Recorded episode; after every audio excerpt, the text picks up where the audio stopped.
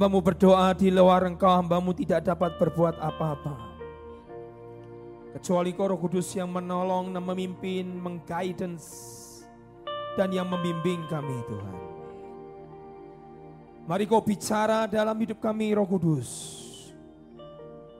Sampaikan kebenaranmu. Dan tidak ada satupun yang kami pulang dalam keadaan yang sama. Bicara roh kudus dalam hidup kami. Dan kami mau mendengar dan kami mau menyiapkan hati dan hidup kami hanya butuh sepatah kata dari mulut Tuhan. Dan itu mengubah segalanya. Kami hanya butuh sepatah kata yang dari mulut Tuhan. Dan itu mengubah masa depan dan hidup kami Tuhan. Terima kasih Tuhan untuk malam hari ini bicara dalam hidup kami.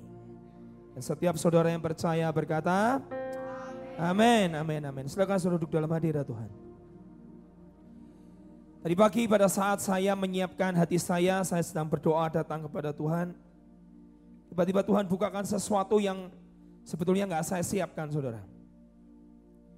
Tapi hari ini saya mau coba bagikan buat saudara apa yang Tuhan taruh pada saat pagi hari tadi saya berdoa dan kemudian Tuhan membukakan sesuatu. Kita mari lihat bersama di kitab Matius pasal yang ke-7 ayat yang ke-21. Di Matius 7 ayat 21, tapi kita akan baca dari ayat yang ke-15. Saudara kita ini sedang menginjak di ujung daripada segalanya. Kita ini hidup di akhir zaman, semua tanda sudah digenapi. Dan kita sedang masuk di dalam dunia yang istilahnya cashless. Semuanya akan serba tidak ada lagi uang tunai. Semuanya akan digital. Dan itu sudah di depan mata. Tapi pada saat itu Tuhan Yesus memberikan nasihat di Matius 24 dan di Matius pasal yang ketujuh ada sesuatu yang menurut saya cukup mengganggu tapi dan menurut saya ini Tuhan sedang berikan sebuah warning buat setiap gereja dan umat yang percaya. Di Matius pasal yang ketujuh ayat yang ke-15 Alkitab berkata, waspadalah terhadap nabi-nabi palsu yang datang kepadamu dengan menyamar seperti domba jadi mereka itu seperti kita. Saudara-saudara jangan berpikir bahwa nabi palsu itu adalah orang yang di luar sana dengan agama yang lain, dengan agama yang berbeda dengan kita, dengan tidak memanggil nama Yesus. Jangan berpikir seperti itu. Alkitab berkata waspada mereka itu adalah seperti domba. Betul? Dan firman berkata tetapi sesungguhnya mereka adalah serigala yang buas. Dan ada satu indikator, indikasi yang akan memberikan kita sebuah tolokur. Kita akan mengerti ini nabi palsu atau ini nabi benar adalah dari buahnya lah kamu akan mengenal mereka. Saudara, Alkitab berkata kalau ditulis itu satu kali itu sudah penting. Tapi kalau Alkitab ditulis sampai dua kali, tiga kali, firman di kitab ulangan berkata dua tiga saksi itu sah. Jadi kalau Alkitab itu ditulis sampai dua, tiga kali, bahkan sampai empat kali, itu lebih dari sah. Karena firman memberikan kesaksiannya sendiri kepada firman Tuhan. Kita akan kembali ke ayat ini. Tapi saudara kita akan lihat di Matius pasal 24, saya akan tunjukkan sesuatu di mana ada satu warning yang Tuhan berikan kepada umat percaya di akhir zaman ini di Matius 24.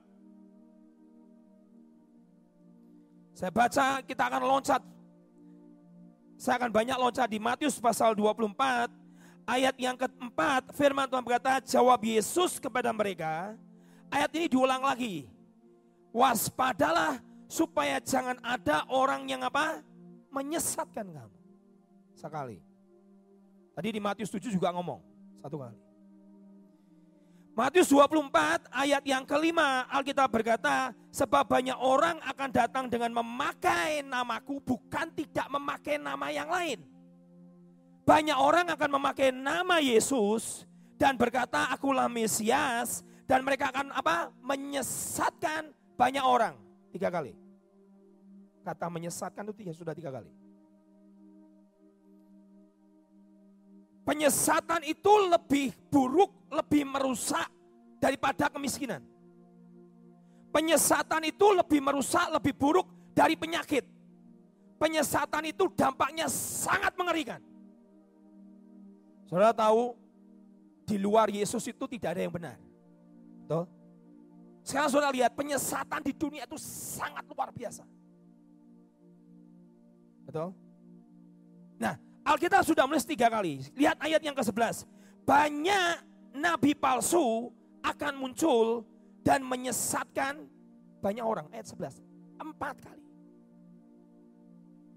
Ayat terakhir. Pasal 24 ayat yang ke-24. Sebab Mesias-Mesias palsu dan apa? Nabi-nabi palsu akan muncul dan mereka akan mengadakan tanda-tanda yang dahsyat dan mujizat sehingga sekiranya mungkin menyesatkan mereka menyesatkan orang-orang pilihan juga. Orang pilihan akan tersesat. Lima kali. Firman berkata di sini ada satu warning yang Tuhan mau berkata. Nah perhatikan di akhir zaman itu penyesatan demi penyesatan. Diucapkan Yesus lima kali. Saya berkatakan tadi. Sekali penting. Dua kali, tiga, dua, tiga saksi sah. Ini lima, lima saksi firman ngomong. Dan itu keluar dari mulut Yesus semua. Dan firman berkata, Alkitab berkata dia tidak berkata penginjil palsu. Firman tidak berkata gembala palsu. Firman tidak berkata pengajar palsu. Firman berkata apa? Nabi palsu. Saudara kalau hal ini saudara lihat di Youtube. Di Afrika nabinya banyak. Sangat banyak. Banyak orang bertanya mana yang benar, mana yang salah. Satu, dari buahnya. Itu aja. Pada saat gandum sedang ditabur dengan ilalang, Alkitab berkata jangan dicabut sekarang. Biarkan mereka bertumbuh nanti dari apa? Buahnya. Dan tadi pagi cukup menarik sekali. Saudara, saya mau cerita dulu sebelum mengawali apa yang saya dapatkan tadi pagi. Saya ini habis pulang dari satu kota di dari Kalimantan.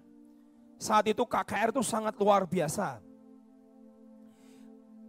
Ini adalah seperti titik di mana saya mengalami mujizat yang begitu real dan begitu nyata. Orang itu sakit kanker otak.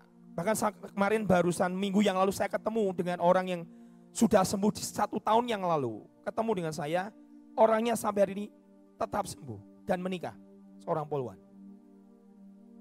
Dan dia berkata kepada saya, Pak, Bapak masih ingat waktu itu Bapak berkata ada orang yang sakit kanker otak dan sudah disembuhkan Tuhan. Itu seperti ada tangan yang sedang mencabut akar dari kepala saya.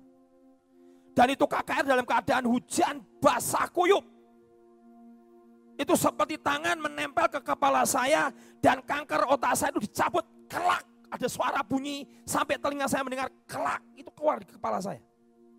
Dan sejak hari tahun yang lalu Pak, sejak Bapak doakan sampai hari ini saya sehat dan saya barusan 2-3 bulan yang lalu saya menikah. Loh, jangan ketawa, jangan, jangan tepuk tangan, jangan tepuk tangan. Saya hanya mau cerita sedikit. Dan di hari yang sama, dia seorang poluan juga punya teman yang dia juga sakit kanker di payudaranya. Dia sudah habiskan ladangnya, dia jual ladangnya untuk berobat di kota Kucing, di daerah Malaysia. Dan habis ladangnya untuk berobat dan akhirnya tidak sembuh. Malam yang sama Tuhan bicara, ada orang yang sakit kanker payudara dan Tuhan sembuhkan. Di dalam guyuran hujan dia menangis menjerit, dia lari ke panggung dan ke mimbar dan berkata, Pak saya sembuh. Dan poluan yang, yang, yang sembuh dari kanker otak ini berkata, Mbak tolong pegang payudara saya. Coba cari benjolan itu sudah nggak ada. Saya sudah operasi berkali-kali selalu muncul. Dioperasi selalu muncul, dioperasi selalu muncul. Tapi malam hari coba perhatikan ada sesuatu yang panas di tubuh saya. Dan itu dicabut ke akar-akarnya dan sembuh. Sampai hari ini sudah sembuh. Dia menyusui dan punya anak. Saya berkata Tuhan wow amazing. Ini luar biasa sekali. Di KKR malam yang sama ada seorang bapak, Tuhan bicara sakit tenggorokan dan kau sudah bertahun-tahun pergi datang ke Jakarta berobat di rumah sakit dan kau tidak sembuh dan itu ternyata kanker di tenggorokannya. Dan setiap kali dia sakit itu darah menetes di hidungnya. Dua tahun dia berobat di, di rumah sakit di Jakarta, darah selalu menetes, tenggorokannya sakit, itu darah mengeluar dari mulutnya, darah keluar dari hidungnya, darah keluar dari telinganya, dan selalu membuat kesakitan yang luar biasa. Malam itu total sembuh dengan kuasa Tuhan. Di malam yang sama Tuhan bicara, ada orang yang sudah tidak punya anak bertahun-tahun, tahun depan kau punya anak. Kemarin saya ketemu orangnya, orangnya punya anak. Bapak ingat gak, Bapak nubuat saya punya anak? Saya gak ingat. Saya punya anak. Pak. Saudara, saya bukan mau cerita kebangganya ini, bukan. Saya mau tunjukkan sesuatu. Di saat saya mengalami seperti itu, saat kuasa Tuhan sedang melanda begitu luar biasa. Ada seorang teman yang mimpi tentang saya yang saya pernah sampaikan ceritakan waktu saat acara Radiant of Glory. Dalam sebuah kelas di situ ada Tuhan Yesus, ada Bapak Petrus Agung, dan semua para pemimpin sedang duduk di situ. Tetapi di dalam di dalam kelas itu ini sebuah mimpi. Seorang teman yang mimpi tentang saya.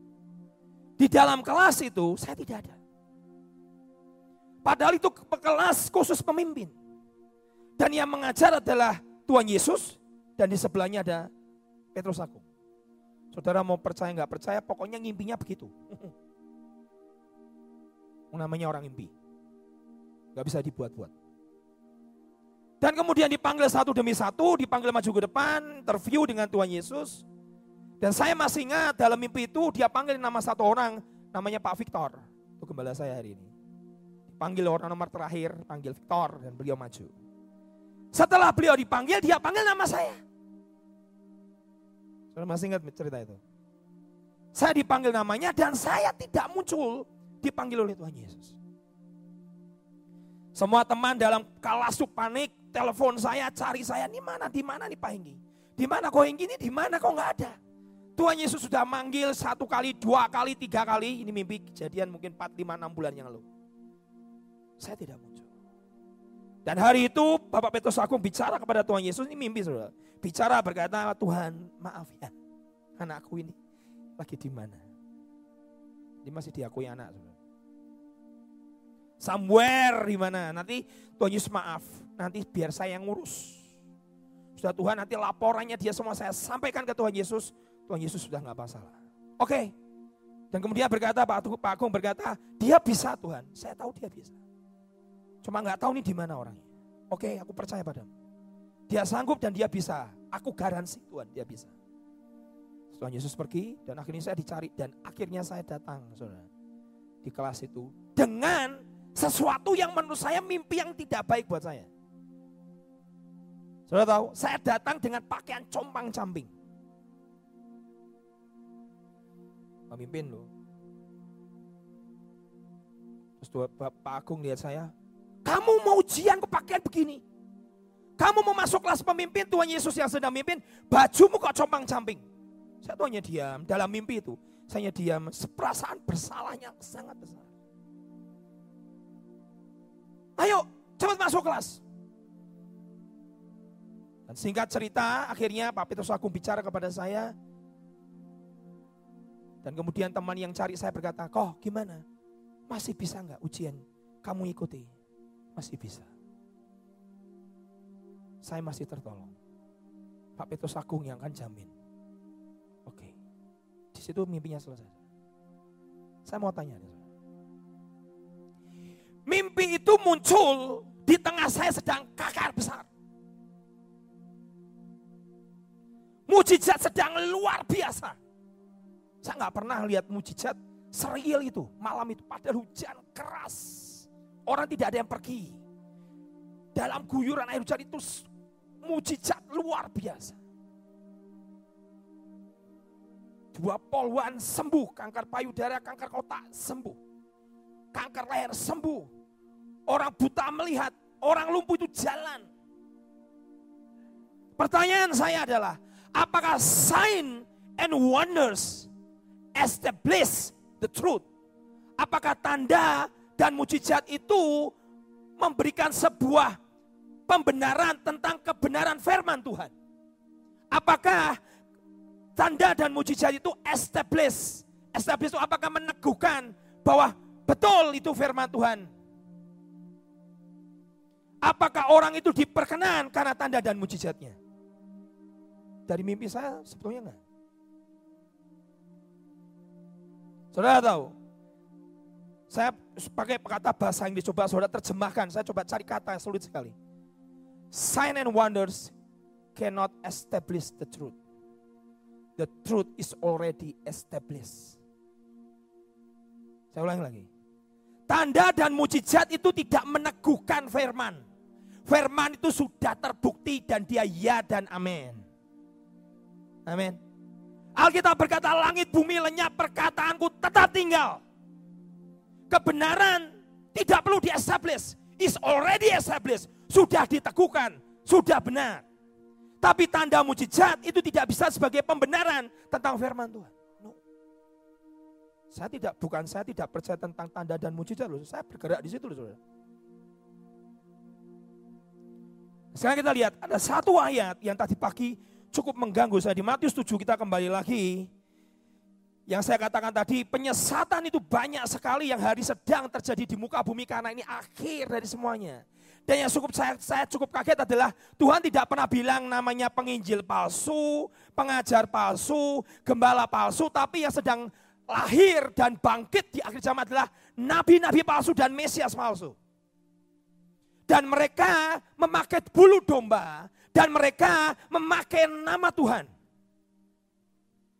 Saya tidak bilang, oh ini sesat. Enggak, saya tidak paling tidak berani ngomong sesat kepada orang. Saya cuma mau berkata kepada saudara, waspada. Tuh. Dari buah, kita akan membaca dari buah. Nah, sekarang kita lihat bersama saudara. Matius pasal 7 tadi ayat yang ke berapa?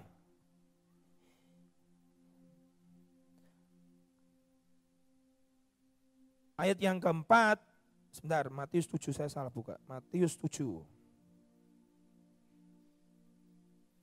Kita lihat bersama di Matius 7 ayat yang ke-15. Waspadalah terhadap nabi-nabi palsu yang datang kepadamu dengan menyamar seperti domba, tetapi sesungguhnya mereka adalah serigala yang buas. Dari buahnya lah kamu akan mengenal mereka. Dapatkah orang memetik buah anggur dari semak duri atau buah ara dari rumput duri? Artinya Tuhan berkata, lihat buahnya. Rumput duri keluarkan rumput duri, buah duri. Anggur keluarkan anggur. Demikianlah setiap pohon yang baik menghasilkan buah yang baik. Setiap pohon yang tidak baik menghasilkan buah yang tidak baik. Tuhan mau berkata, kenali dari buahnya. Tetapi mungkin pohon yang baik itu menghasilkan buah yang tidak baik, ataupun pohon yang tidak baik itu menghasilkan buah yang baik. Dan setiap pohon yang tidak menghasilkan buah yang baik pasti apa? ditebang dan dibuang ke dalam api. Itu dibuang neraka. Jadi dari buahnya lah kamu akan mengenal mereka. Bukan setiap orang yang berseru kepadaku apa? Tuhan, Tuhan akan masuk ke dalam kerajaan surga. Melainkan dia yang melakukan kehendak Bapakku yang di surga. Satu kali ada seorang mbak Tuhan terkenal bernama Kenneth Hagin. Beliau sudah dipakai Tuhan dan sudah dipanggil Tuhan pulang. 26 pelayanan beliau pada saat dia selesai pelayanan. Dan dia adalah seorang gembala sidang. Dia mengembalakan gereja yang kecil, dia pergi ke tempat yang cukup jauh, tempat yang tidak enak, dia korban begitu banyak, istrinya sangat menderita, bahkan sempat pada masa pelayanan di awal dia sempat tidak bisa beli pakaian, dan semuanya sampai akhirnya dia diberkati, sampai setelah 26, pelayan, 26 tahun pelayanan, tiba-tiba dia datang kepada Tuhan, dan Tuhan berkata kepada hamba Tuhan ini cukup mengagetkan, dan berkata, nah hari ini pelayananmu akan dimulai. Maksud Tuhan. maksudmu? Nah 26 tahun aku habiskan bersama dengan kau. Tidak aku hitung. Kenapa saudara? Karena Alkitab berkata, mereka yang melakukan apa? Kehendak Bapa. Dan hari itu Tuhan bicara kepada Kenneth Hagin. Kamu tidak melakukan kehendakku. Siapa suruh kamu jadi gembala? Shock. Aku tidak pernah panggil kamu sebagai gembala. Tapi kau lakukan di luar kehendakku. Di Matius pasal 7 ini, kita akan lihat sesuatu yang menurut saya mengerikan. Artinya apa? Banyak orang percaya yang hari ini disesatkan begitu banyak hal. Yang kita harus ukur, kita harus lihat dari buahnya. Kita akan tahu. Dari buahnya. Dan kita tidak bisa melihat tanpa buah itu keluar. Sekarang kita lihat bersama. Di Lukas pasal yang keempat ayat yang ke-25. Ini ayat yang tadi pagi yang Tuhan buka yang cukup mengagetkan saya. Lukas pasal 4 ayat 25. Lukas pasal 4 ayat yang ke-25.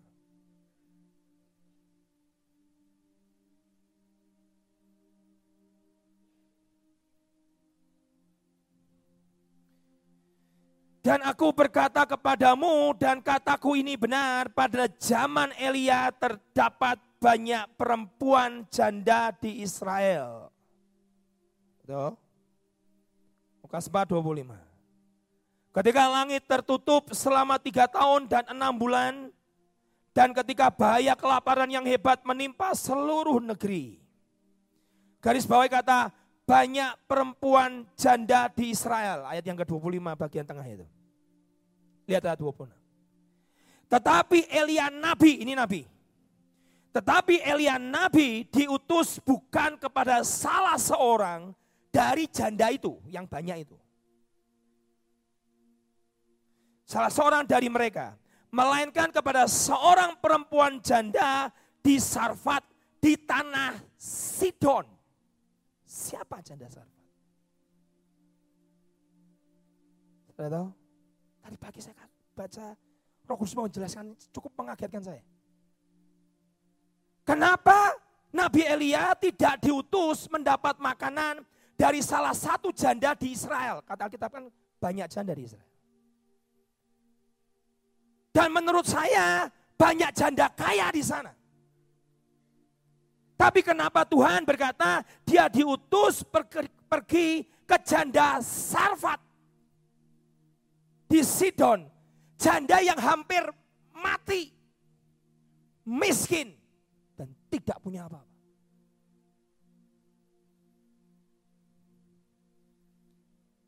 Saudara, hari ini kalau saudara misalnya dapat firman, minta itu duitnya pengemis yang sedang menderita, menurut saya saudara nggak akan tega. Berikan buat saya dulu hasil ngemismu.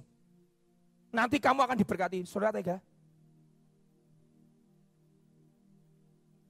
Hari itu si Nabi Elia diutus pergi ke janda miskin. Bahkan bukan cuma miskin, ini hampir mati makanan terakhir. Pertanyaan saya adalah, Tuhan kenapa kau nggak utus pergi ke janda kaya? Yang banyak duitnya. Kalau diminta makan juga nggak akan kekurangan. Mau, mau makan sebulan di sana juga nggak akan habis. Kenapa engkau datang kepada janda yang miskin, yang hampir mati, yang sudah sekarat? Dan diminta lagi makanan terakhir, makanan anaknya. Yang diminta itu makanan anaknya, makanan terakhir. Tuhan mau berkata begini. Lihat, nabiku itu harus mengenal bahwa bukan karena harta. Tapi firman berkata, dia pergi ke janda miskin. Supaya apa? Dia dapat makan. Dan supaya apa? Supaya janda itu tetap hidup selama tiga setengah tahun. Hari ini maaf nih saudara. Banyak di tempat kami itu saudara. Banyak pendoa yang dipakai dengan karunia kenabian. Kalau ngomong enak sekali. Bapak disuruh Tuhan, suruh bayarin saya. Berangkat ke Israel. Kalau saya baca ini nggak pas. Betul? Bapak disuruh, Tuhan ngomong sama saya, Bapak suruh bayarin saya pergi ke Swiss. Tuhan mengutus Elia ke siapa? Janda miskin. Janda yang tidak bisa memberi. Dan Nabi ini sedang turun gunung. Habis dari gunung. Nabi itu kerjanya adalah di gunung, Musa itu kerjanya di Sinai, Elia kerjanya di gurun, Yohanes Pembaptis kerjanya di gurun. Nabi itu sering kali kerjanya di gunung dan di gurun. Mendapatkan firman dari Tuhan. Di tengah dia sedang kering, kelaparan. Kenapa kita berkata, banyak janda di Israel. Matius berkata, tapi Elia diutus kepada janda sekarat. Kenapa sih Pak ngomong itu? Karena banyak jemaat kepahitan. Itu Pak pendoa ngomong katanya dia harus bayarin dia. Betulkan rumahnya atau segala macam. Kata Tuhan. Ingat baik-baik, buahnya engkau akan kenal. Jangan memakai nama Tuhan dengan sembarangan. Kalau mau kembali kepada firman, The truth is already established. Firman ini sudah pasti paten benar dan nggak bisa salah. Siapa berani berkata firman Tuhan salah? Gak ada yang berani. Yesus berkata, barang siapa meniadakan satu iota pun, dia akan paling rendah di kerajaan surga. Taurat itu, apalagi firman Injil. Dan firman berkata, diutusnya lah dia ke Sarfat. Ke janda sekarat yang tidak bisa memberi. Bahkan itulah last meal, makanan terakhir, makanan anaknya. Setelah itu berkata, setelah itu aku mati loh Nabi, kok lu tega?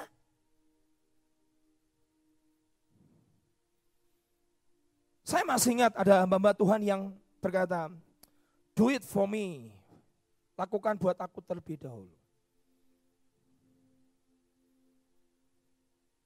Satu kali saya pergi pelayanan dengan Pak Petrus Agung ke daerah Sulawesi. Pengalaman itu tidak akan pernah saya lupakan. Dan pada saat kami sampai di daerah itu, saya nggak menyebut nama kota. Kami masuk cukup dalam ke pedalaman dan tapi bukan cuma pedalam, tapi tempat itu cepat kota besar. Dan di situ yang mengundang Pak Petrus Agung karena kami tim datang sambil menangis. Dan dia berkata, Pak, terima kasih Bapak datang ke tempat ini. Demangnya kenapa? Sesulit itukah mendatangkan saya? Pak, saya hanya tahu kalau bapak, panggil Bapak itu harus bayar 100 juta. Pak aku shock. Semahal itukah saya? Kenapa Bapak punya pikiran seperti itu? Mengundang saya harus siapkan duit minimal 100 juta. Terus dia sebut satu nama hamba Tuhan. Terkenal sekali. Dan tidak boleh disebut namanya. Dan dia berkata kalau panggil dia Pak, dia harus naik bisnis kelas. Dia harus hotel bintang 5. PK-nya minimal harus 40-50 juta. Bahkan kalau ajak WL-nya tambah 10 juta. Total cost-nya 100 juta Pak. Maaf sih saudara. Elia diutus ke siapa? Janda miskin.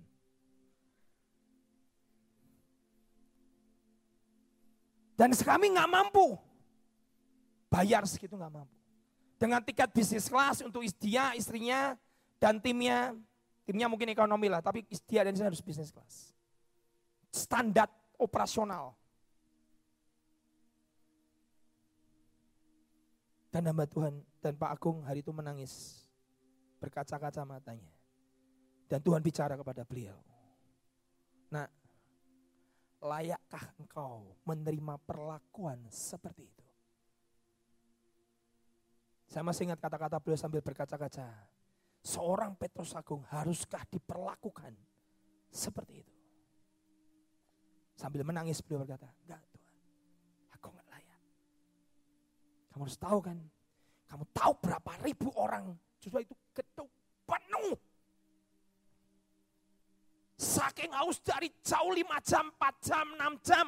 Itu datang berbondong-bondong di gedung itu. Hanya untuk mendengarkan firman mereka sangat haus. Selama ini hanya dengarkan radio streaming.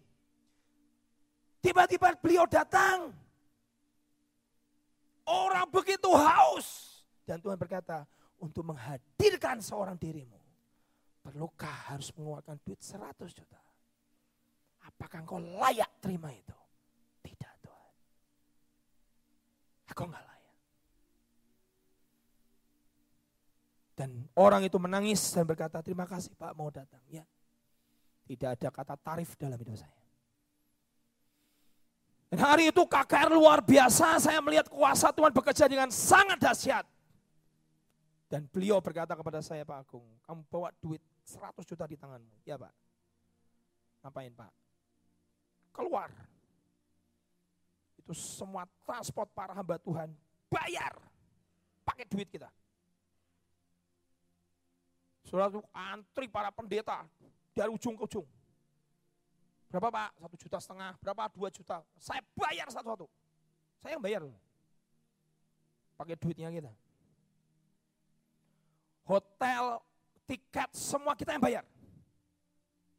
Kita nggak layak memeras susu dari domba itu. Kita bukan pemeras. Seorang gembala lay down his life to the sheep. Gembala itu mati buat dombanya. Amin. Yesus berkata, lay down your life to your sheep. Gembala itu mati buat dombanya, bukan merah susu. Dan hari itu saya bagi, kami saya ambil keluarkan hampir 50 atau 60 juta. Terus kami pulang, kami bayar tiket, kami bayar semua hotel, kami bayar tiket, kami pulang hampir semua pengeluaran kami hampir 150 sampai 200 juta. Dan tidak ada PK, tidak ada apa-apapun, tidak ada yang diberi buat kami. Dan itu para pemimpin berlutut nangis dan berkata, baru kali ini saya lihat kalian datang dengan memberkati kami. Saya nggak pernah ketemu hamba Tuhan seperti ini. Dia bawa duit sendiri, dia bawa tim sendiri, dia nyembah Tuhan sendiri, dia bayarin KKR kami. Bahkan kekurangan KKR kami gedung dibayarin lagi. Sound system kekurangan kami dibayarin lagi. Itu sikap. Itu nggak akan pernah saya lupakan dalam hidup saya. Tuhan yang memberkati engkau. Dan sering kali engkau diutus kepada mereka yang sedang tidak bisa makan pun tidak bisa. Toh? Last meal, makanan terakhir. Nabi itu diutuskan last meal. Dan Yesus mengulang kata-kata, banyak janda, kenapa kau ke Sidon, ke Sarfat? Kenapa tidak salah satu dari janda itu? Yang kaya kek, yang duitnya ratusan miliar. Tapi ke Sidon. Gereja Tuhan, kita harus belajar hati kita harus tetap murni di hadapan Tuhan. Amin. Hati ini tidak boleh berubah. Seorang nabi Tuhan yang melihat dengan muka dengan muka bernama Bileam di akhir hidupnya Tuhan menyebut sebagai juru tenung cuma gara-gara satu, duit. Hatinya syarat dengan upah. Alkitab berkata berkali-kali, banyak mereka yang menyusup menjadi domba. Dan firman berkata, tetapi Elia ayat 26 diutus bukan kepada salah seorang dari mereka, melainkan kepada salah seorang perempuan janda di Sarfat, di tanah Sidon. Dan ayat ini cukup mengagetkan tadi pagi saya berkata, besok minggu saya khotbah di gereja ini. Ayat 27, dan pada zaman Nabi Elisa, banyak orang kusta di Israel dan tidak ada seorang pun dari mereka yang ditahirkan selain daripada Naaman orang Syria itu. Lihat ini saudara, ayat 28. Perhatikan baik-baik. Ini mengagetkan. Setelah Yesus berkata, Elia diutus kepada janda miskin di Sidon dan di Sarfat. Tidak diutus kepada janda yang lain. Kemudian Elisa diutus kepada orang kusta yang bernama Naaman. Yang adalah orang kafir, bukan orang Israel, tapi orang Syria Ayat 28 mengagetkan. Mendengar itu sangatlah mereka marah. Marahlah semua orang yang di rumah ibadah. Loh, saya tanya, kok ngamuk itu kenapa? Saya pernah bertanya enggak? Yesus khotbah tentang Elia Elia datang kepada janda Sarfat dan kemudian datang kepada Naaman si kusta dan Alkitab berkata memberikan respon 28. Mendengar itu sangat marahlah mereka semua orang yang ada di dalam rumah ibadah itu yang gawat. 29.30. Mereka bangun lalu menghalau Yesus. Yesus dibuang. Menghalau Yesus keluar kota dan membawa Yesus ke tebing gunung tempat kota itu terletak untuk melemparkan dia dari tebing. Yesus mau dilempar dari tebing. Kejem. Dan ayat terakhir, 30. Tetapi Yesus berjalan lewat dari tengah-tengah mereka lalu pergi. Pertanyaan saya adalah satu, kok mereka ngamuk kenapa? Tuhan Roh Kudus pagi-pagi ngomong sama saya. Tuhan kok ngarah kenapa? Lu kan cuma ngomong Elia perginya ke janda Sarfat. Tidak ke janda yang lain. Elisa perginya ke Naaman tidak pergi ke kusta yang lain. Loh kok mereka marah? Tuhan ucapkan satu kalimat pada saya. Karena mereka hamba uang. Saya waktu baca, oh iya. Sudah tahu peristiwa Naaman? Apa yang terjadi? Begitu Naaman sembuh, dia bawa harta sangat banyak. Ingat cerita itu? Dan dibawa ke mana? Ke Elisa, Nabi Tuhan. Dan pada saat itu Elisa berkata, aku tidak akan mengambil satu pun dari harta itu. Nabi ini berkata, tidak. Gak apa-apa ambil. Elisa didesak oleh Naaman. Aku sudah sangat berterima kasih. Dari lahir sampai dewasa, hidupku penuh dengan kusta. Orang menjauhi aku walaupun aku panglima perang. Tidak ada orang yang mendekat, semua orang ketakutan. Tapi hari ini hanya menyelupkan diriku tujuh kali di sungai Yordan. Dan tahir, kulitku kayak bayi. Ini gak ada obatnya. Ini penyakit aib. Ini penyakit jahanam. Ini penyakit masyarakat. Ini penyakit yang tidak tersembuhkan. Ini kutukan Tuhan. Dan tiba-tiba tahir gara-gara perkataanmu Nabi. Terimalah harta yang sedikit ini. Elisa berkata apa? Tidak. Dan Alkitab menjelas, Roh Kudus mengingatkan saya, kamu ingat Siapa yang menerima hartanya? Gehazi. Dan Gehazi terima apa? Kostanya. Begitu orang Yahudi, ahli Taurat, orang Farisi di rumah ibadat mendengar cerita Yesus bahwa bahwa Elia diutuskan nabi ke janda miskin yang hampir mati, yang sudah dying. Yang ngerti, oh ini pergi ke orang miskin. Kemudian cerita tentang Naaman, oh ngerti aku maksudnya. Karena Elisa tidak menerima sedikit pun harta dari Naaman. Alkitab kata, Yesus dihalau. Dilemparin ke tebing. Diseret mau dilempar ke tebing. Yesus dibuang. Kau tidak bisa mengabdi Yesus dan kepada Mamon. Gak bisa. Pilih salah satu.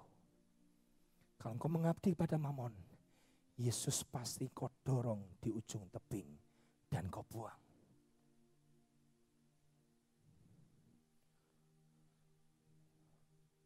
Satu bulan atau dua bulan sebelum Pak Petrus Agung meninggal, beliau minta makan.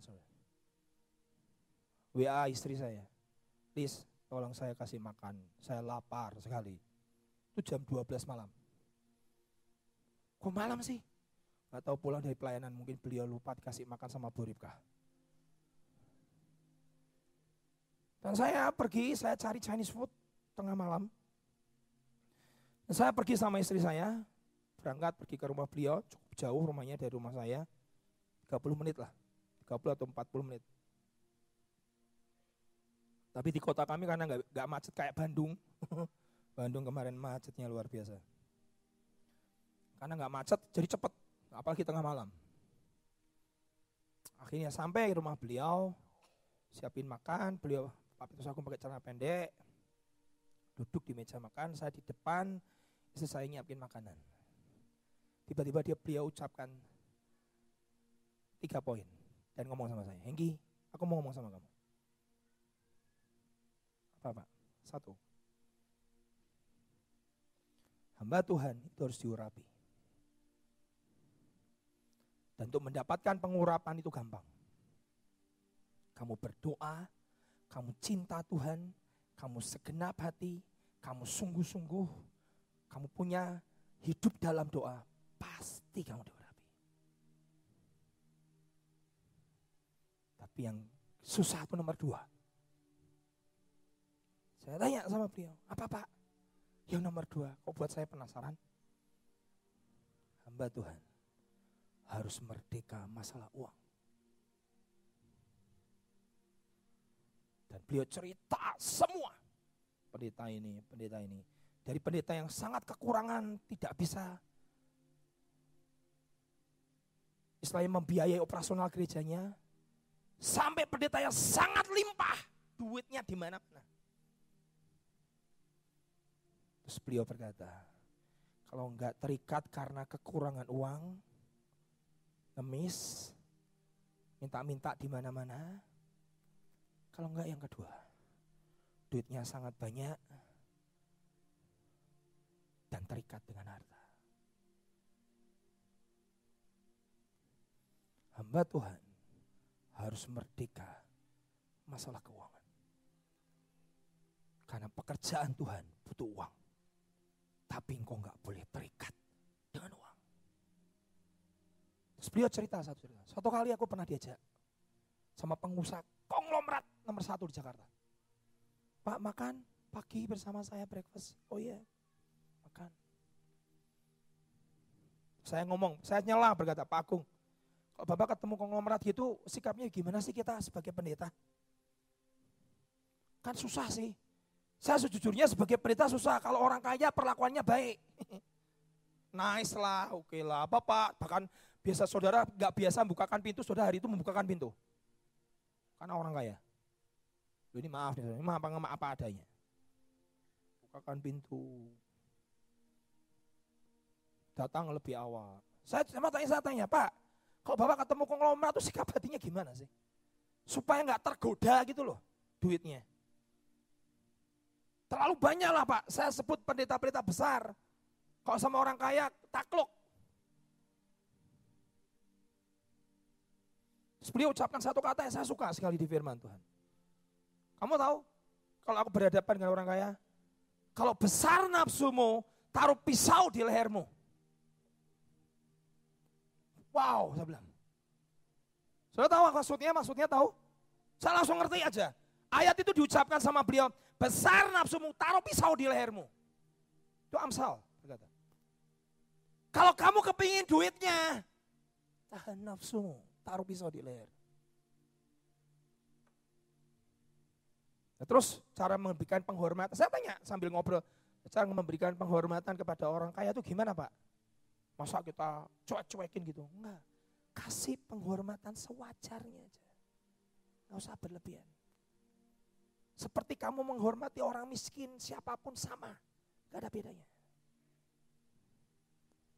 Saya masih ingat waktu itu saya di Jakarta, beliau khotbah, di 10 konglomerat. Saya bilang, terus khotbahnya apa sudah? Begitu naik mimbar, beliau ucap satu, orang kaya susah masuk surga. Mata tenan. Orang kaya susah masuk kerajaan surga. Saya bilang, saya, saya ngumpet di belakang, Pak Agung ini ngomongnya kok berani ya. Orang kaya susah masuk kerajaan surga.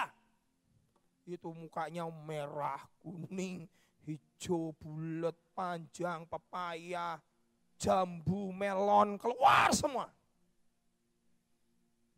Karena banyak hamba Tuhan, jadi hamba uang. Makanya Yesus dihalau, digeser, diguring, digiring, dan hampir dijatuhkan ke tebing karena jadi hamba uang. Tipis Dan yang ketiga apa Pak? Yang ketiga itu saya lupa. Tak ingat-ingat apa ya saya lupa. Beliau pesan dua itu. Nanti kalau Tuhan ingatkan lah. Saya beritahu, kalau saya nasi udang lagi ya Pak Daniel ya.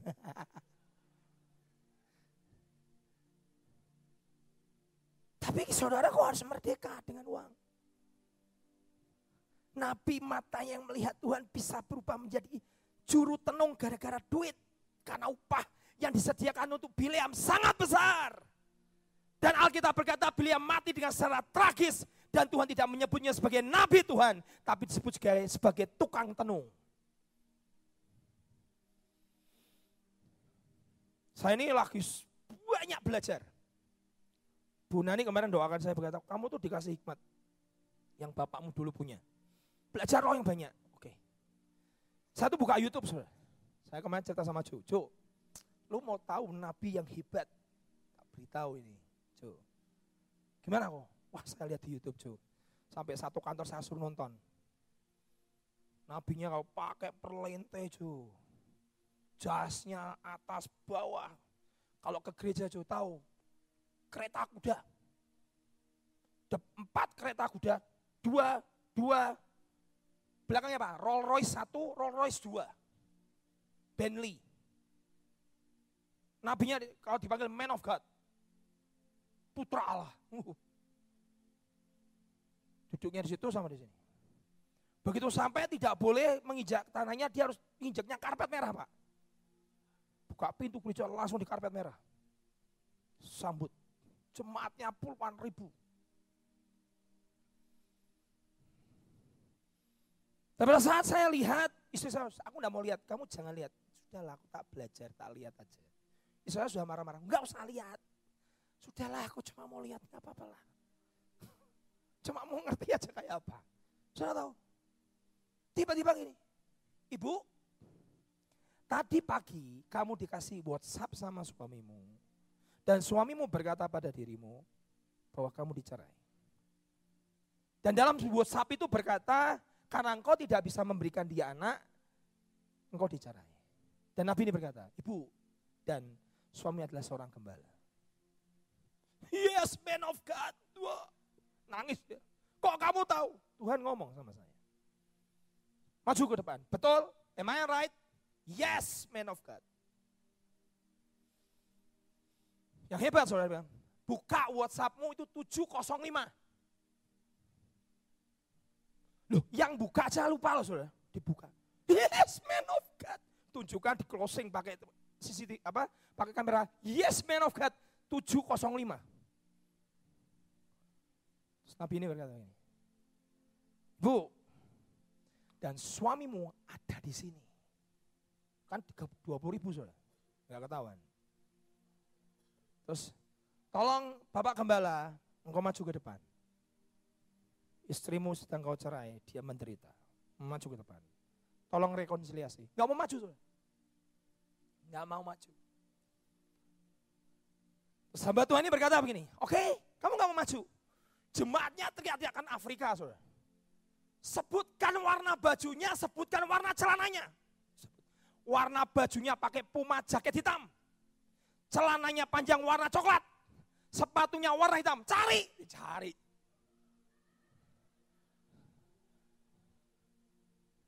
Gila saya? Saya bilang,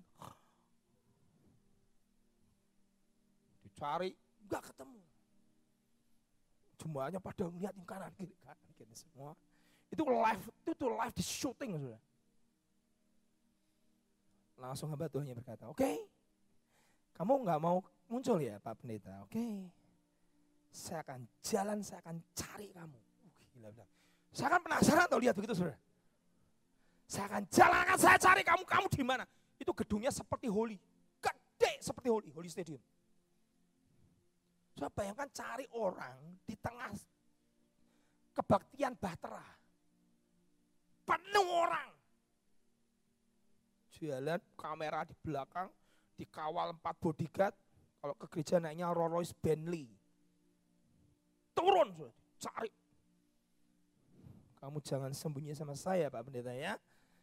Saya adalah man of God. Saya bisa cari kamu. Sudah tahu?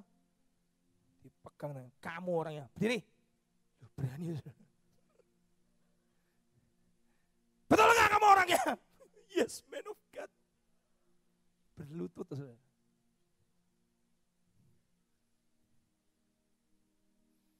dia tanya, betul kamu cerai istri? Dia cerita, betul saya cerai istri saya. Karena dia tidak memberikan kau anak. Betul. Saya nggak bilang dia sesat. Ya, saya nggak berani ngomong itu. Tapi saudara yang begini banyak. Bahkan orang ini pernah berkata, eh dompetmu tinggal 50 ribu. Buka. yes, betul.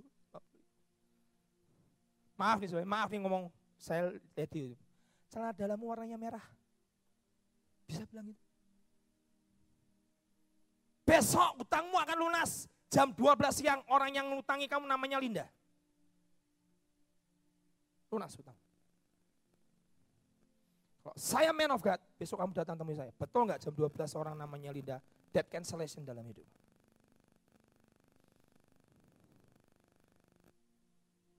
Ini hari saudara. Tipis, lalang dan gandum itu bertumbuh bersama-sama.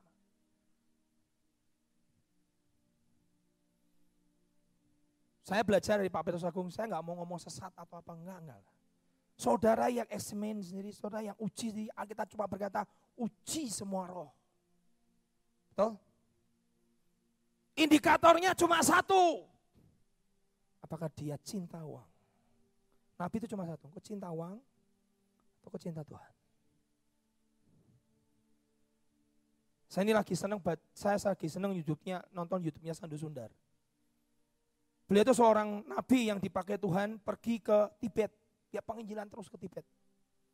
Di masa muda beliau, dia tuh suka pergi ke Tibet. Dan dia jalan kaki di Tibet itu salju minus 50, minus 40. Gunung Tibet. Himalaya. Dia daki dari ke gua ke gua dia menginjil satu persatu.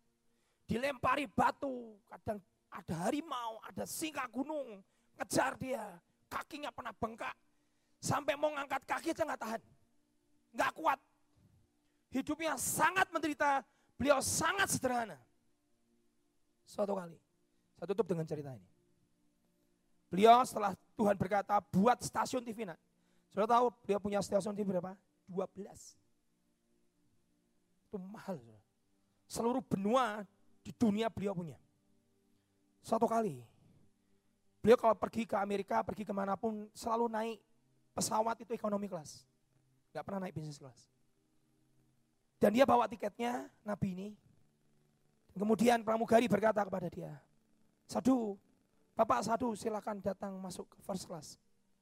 Eh, miss, you are wrong. I'm economy class. No, sir, you are in a business class or first class. No, miss, you are wrong. I'm economy class. I never go to the business class. Saya nggak pernah ke business class. Saya nggak pernah ke first class. Saya economy class.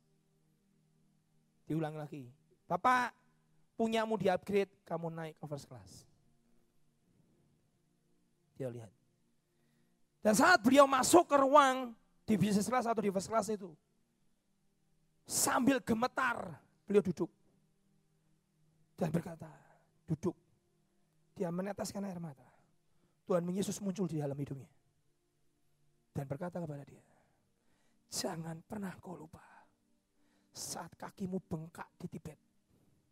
Jangan pernah kau lupa saat kau jalan dari gunung ke gunung dan sangat sulit. Aku bisa bawa engkau ke seluruh dunia.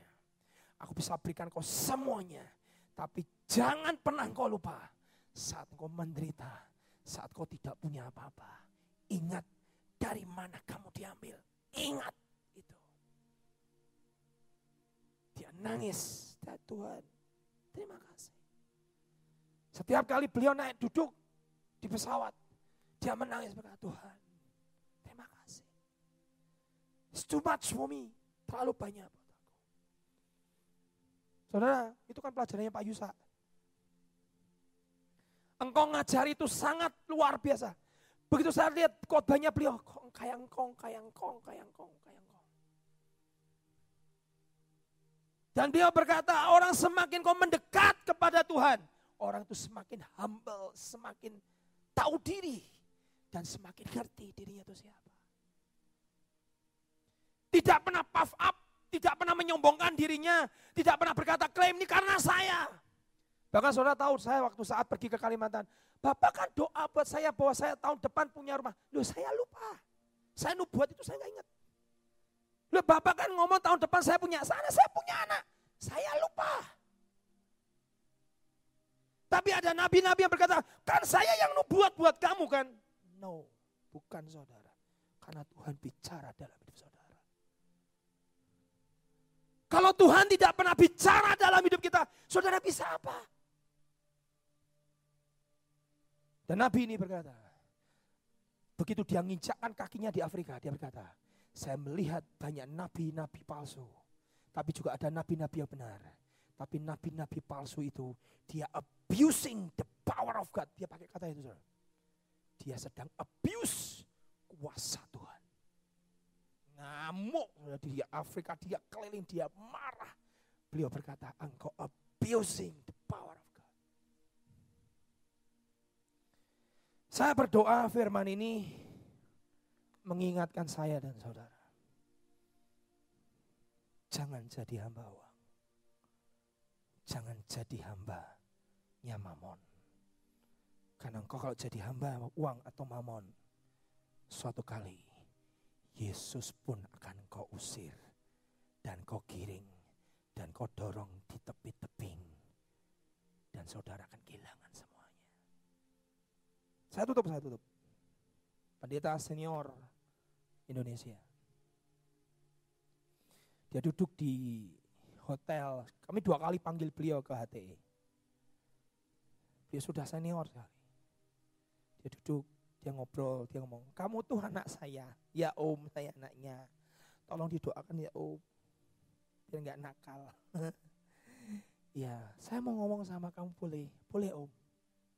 Ngomongnya rada susah, susah. Tapi ini pendeta hamba Tuhan senior. Dan beliau berkata, kamu tahu tidak ada yang terima saya hari ini. Saya khotbah di mana-mana ditolak. Mereka ngomong sama orang-orang kalau saya ini berzina. Sambil nangis, berkaca-kaca. Kamu sama Victor kok mau terima saya? Saya ngomong, Om, walaupun sekalipun Om jatuh, sekalipun, tidak ada hak saya untuk menghakimi Om. Apalagi om tidak salah. Terus beliau bercerita yang membuat saya, hari ini saya akan ingat. Dia berkata, kamu tahu, saya tiap bulan terima duit 13 miliar dari persembahan. Jemaat saya seluruh Indonesia 130 ribu. Di tangan saya. Saya adalah manusia doa. Saya doa saya kencang. Tuhan pernah kasih kunci buka namanya kekayaan dan saya buka kaya saya. Saya punya mobil mewah yang di Indonesia cuma punya dua orang, satu pengusaha dan satunya saya. Saya lihat batu-batunya di tangan. Itu harganya berapa om? Si Pak Tio 400 juta, 450 juta. Dan tahun 2006 atau enggak 2007, Tuhan ngomong sama saya. Saya tidak immoral, hidup saya benar. Saya berdoa. Saya pakai uang Tuhan juga dengan menurut saya dengan tanggung jawab. Jemaat saya puluhan ribu. Satu kota kenal nama saya. Seluruh Indonesia kenal nama saya. Tapi tahun 2006 atau 7 atau 8, Tuhan ngomong sama saya. Tinggalkan semua Di situ saya tidak tahan. Dan hari ini kamu tahu, saya dihabisi semua. Duit saya semuanya habis. Dan beliau sambil berkaca-kaca. Dan saya tidak menyesal. Kenapa? Karena saya dapatkan Yesus dalam hidup saya.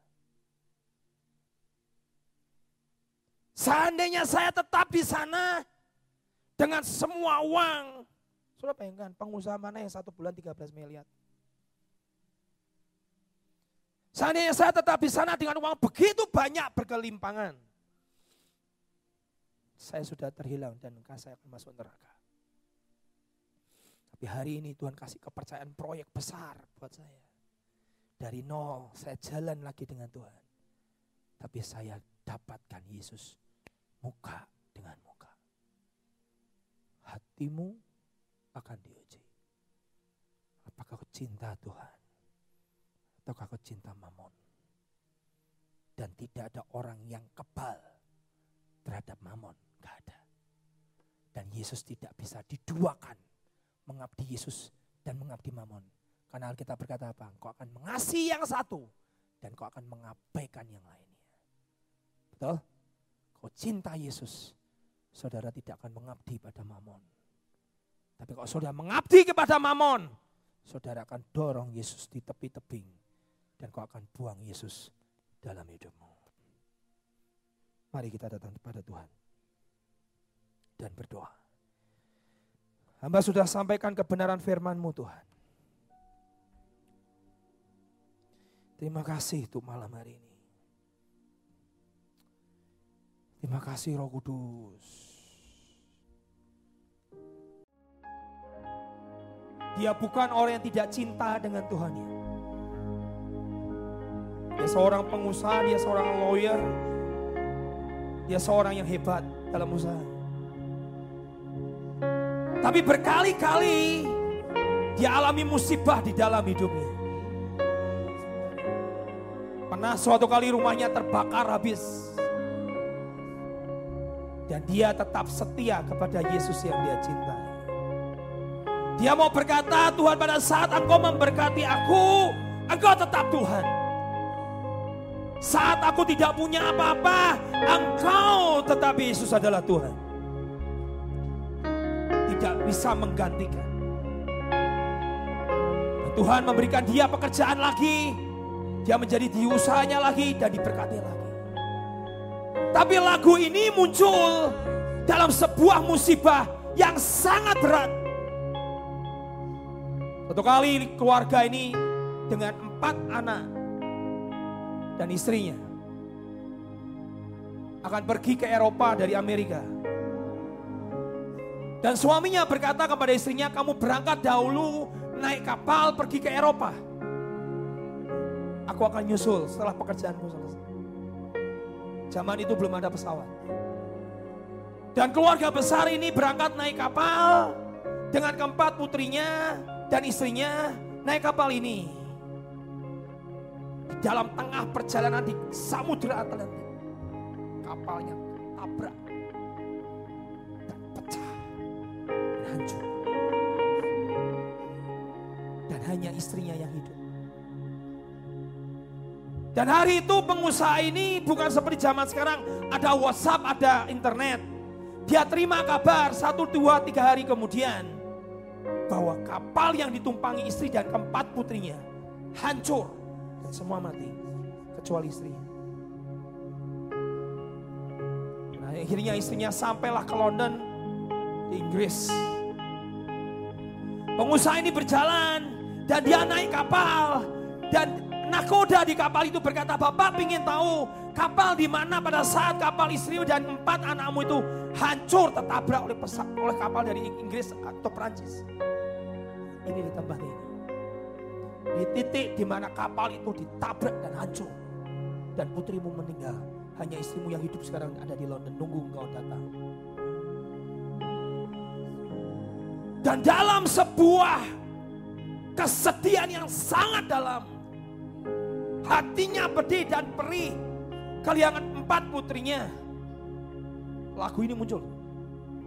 Makanya ini adalah lagu sepanjang abad. Dia berkata, when peace attended my way. Bagaimana orang dalam musibah dia bisa berkata, pada saat damai itu masuk di dalam hatiku.